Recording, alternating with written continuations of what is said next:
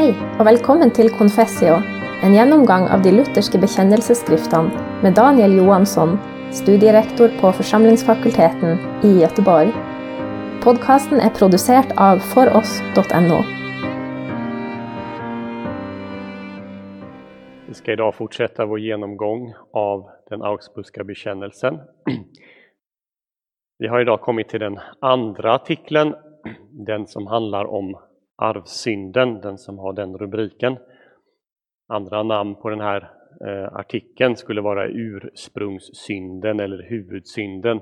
Så talar Luther om den i de schmalkaldiska artiklarna lite senare i våra bekännelseskrifter. Man kan ställa sig frågan, varför kommer arvsynden in så här direkt efter den första artikeln om Gud? Varför förtjänar den en så hög placering? Det kan finnas flera svar på den frågan. Ett svar är att den är ganska logiskt placerad här.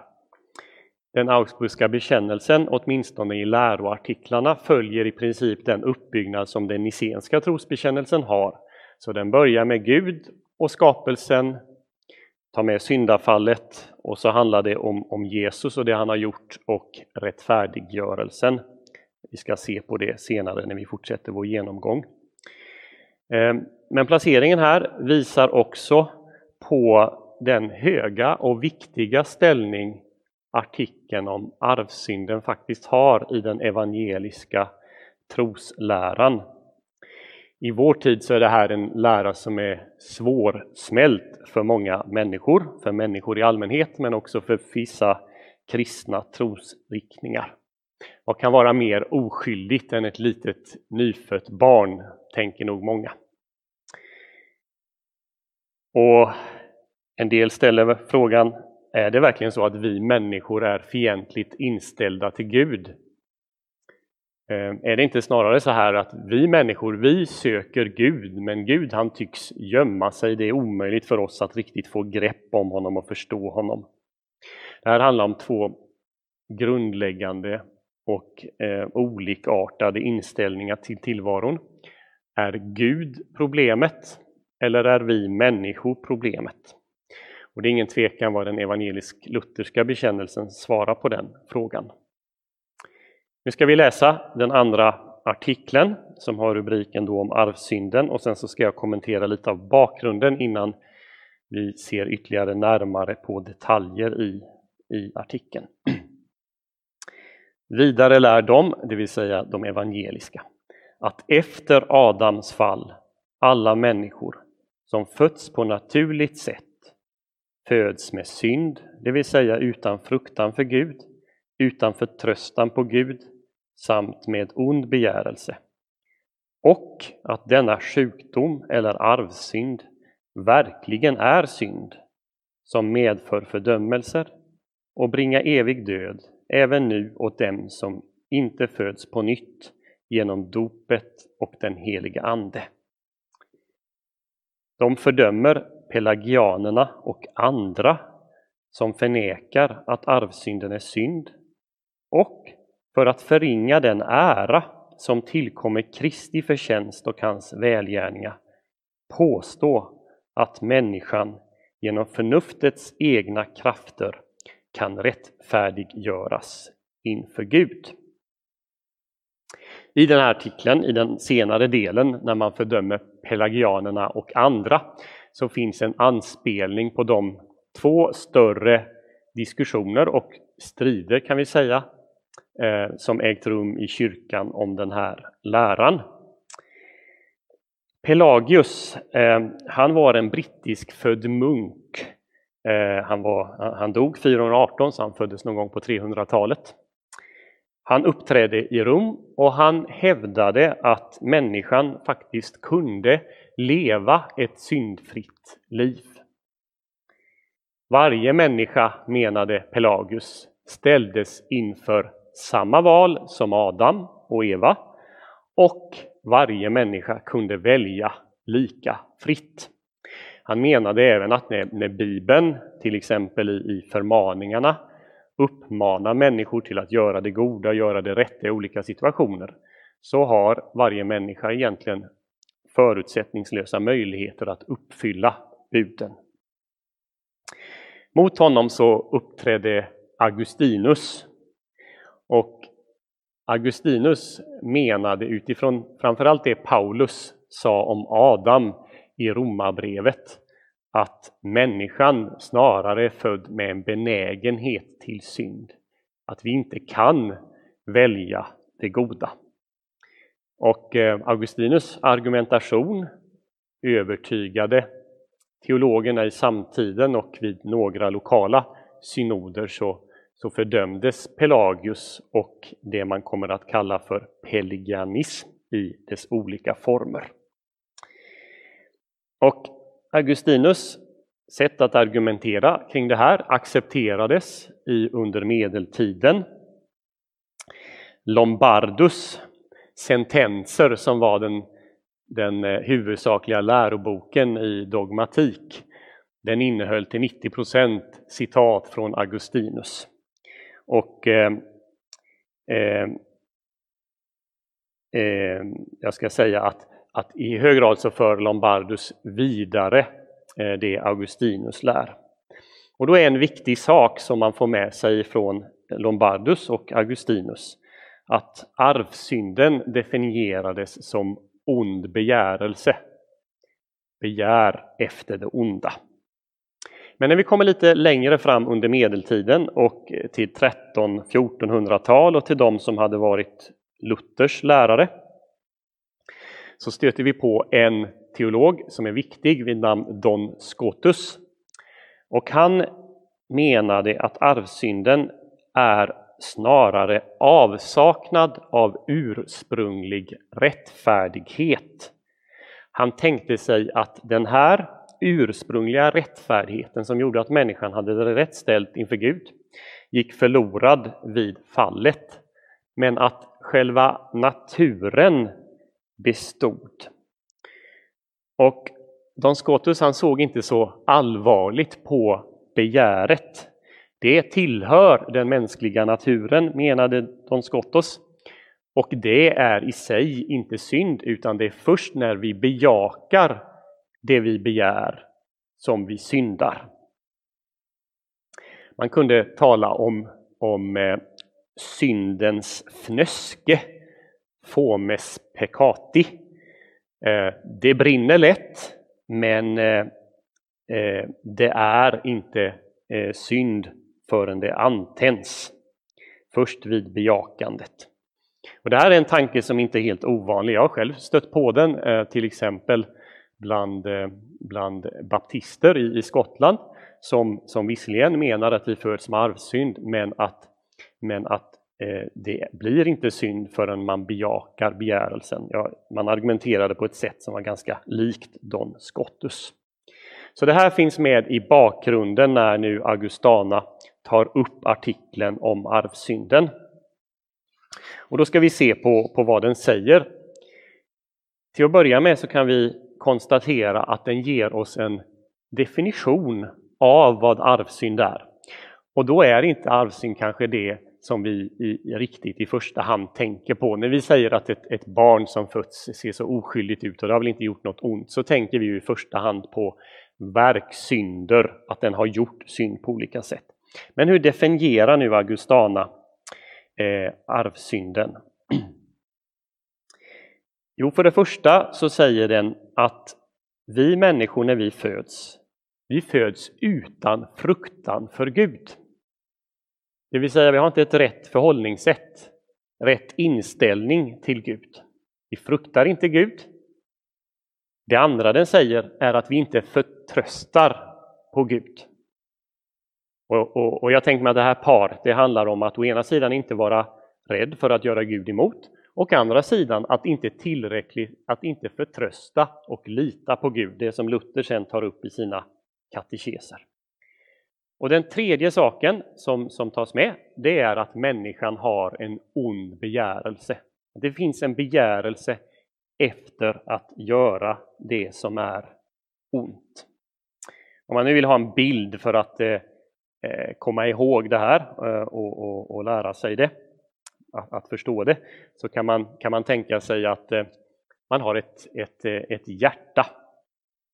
Och sen så, så finns det i anslutning till hjärtat ett, ett päron. Det skulle stå för frukt, att människan är utan fruktan för Gud. Päronet är alltså överkryssat. Och sedan så finns det också en, en napp i anslutning till det här hjärtat. Eh, den är också överkryssad. Nappen står för vår förtröstan.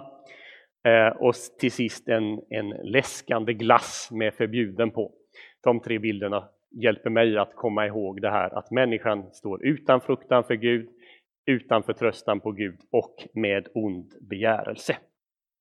Det är definitionen av arvsynden enligt, enligt vår lutherska bekännelse. Eh, och sen så säger Melanchthon det som jag redan har kommenterat, att, att själva arvsynden verkligen är synd. Det är tillräckligt för att Gud ska döma oss som syndare och det bringar evig död åt de människor som inte får den här förlåten. Vad krävs nu för att man ska få den förlåten? Jo, eh, det säger Melanchthon också. Eh, det krävs att man föds på nytt genom dopet och den helige Ande. Och här har vi väl framför allt en anspelning på Johannes 3 och Jesus samtal med Nikodemus där han säger att ingen som inte blir född på nytt av vatten och ande kan se Guds rike. Så skulle det stått bibelställen i marginalen till, eh, till Confessia Augustana så hade det säkert stått Johannes 3 här. Det här är vad, vad Melanchthon positivt säger om artikeln och så kommer avsnittet där man fördömer. Och då gör man lik man hade gjort vid, vid en del kyrkomöten i, i fornkyrkan, lokala kyrkomöten. Man fördömer pelagianerna, men också andra. Och bland de andra så inkluderas de här senmedeltida teologerna som hade i, i, i viss mån eh, mjukat upp förståelsen av arvsynsläran som Don Scottus gör. De som förnekar att arvsynden är synd. Och så kommer en viktig argumentation som Melanchthon återkommer till många gånger. Om man gör det här, om man förnekar att människans situation är sådan Bibeln beskriver den, då förringar man den ära som tillkommer Kristi förtjänst och hans välgärningar. Vad menas nu med Kristi förtjänst? Jo, med Kristi förtjänst menas två saker normalt sett. Dels det fullkomliga, perfekta liv som Jesus har levt här på jorden. Det är en förtjänst. Och dels hans betalning, det han gör på korset för våra synder. Lite senare ska vi komma fram till att de förtjänsterna, de tillräknas människan när hon kommer till tro i rättfärdiggörelsen. Om man inte tar avsynsläran på allvar så förringar man det Kristus har gjort för oss. Och istället så anser man att vårt förnuft har så goda och starka egna krafter eh, att vi kan själva så att säga rättfärdiggöras inför Gud. Och det var i praktiken det Pelagius hade lärt. Vi har den förmågan som människor även idag att på egna vägar leva det fullkomliga och rättfärdiga livet inför Gud. Det förnekar eh, den andra artikeln och istället så är vi helt och hållet beroende på det Kristus har gjort inför oss. Nu har vi inte så mycket bibelhänvisningar och argumentation här. Det har däremot Melanchthon gett oss i det som kallas den Augsburgska bekännelsens apologi. Det var nämligen så här att när det här hade lämnats fram till kejsaren så fick de påvliga eh, teologerna bedöma innehållet och man skrev sedan en confutatio där man eh, bedömer innehållet och visar tillbaka en del av det.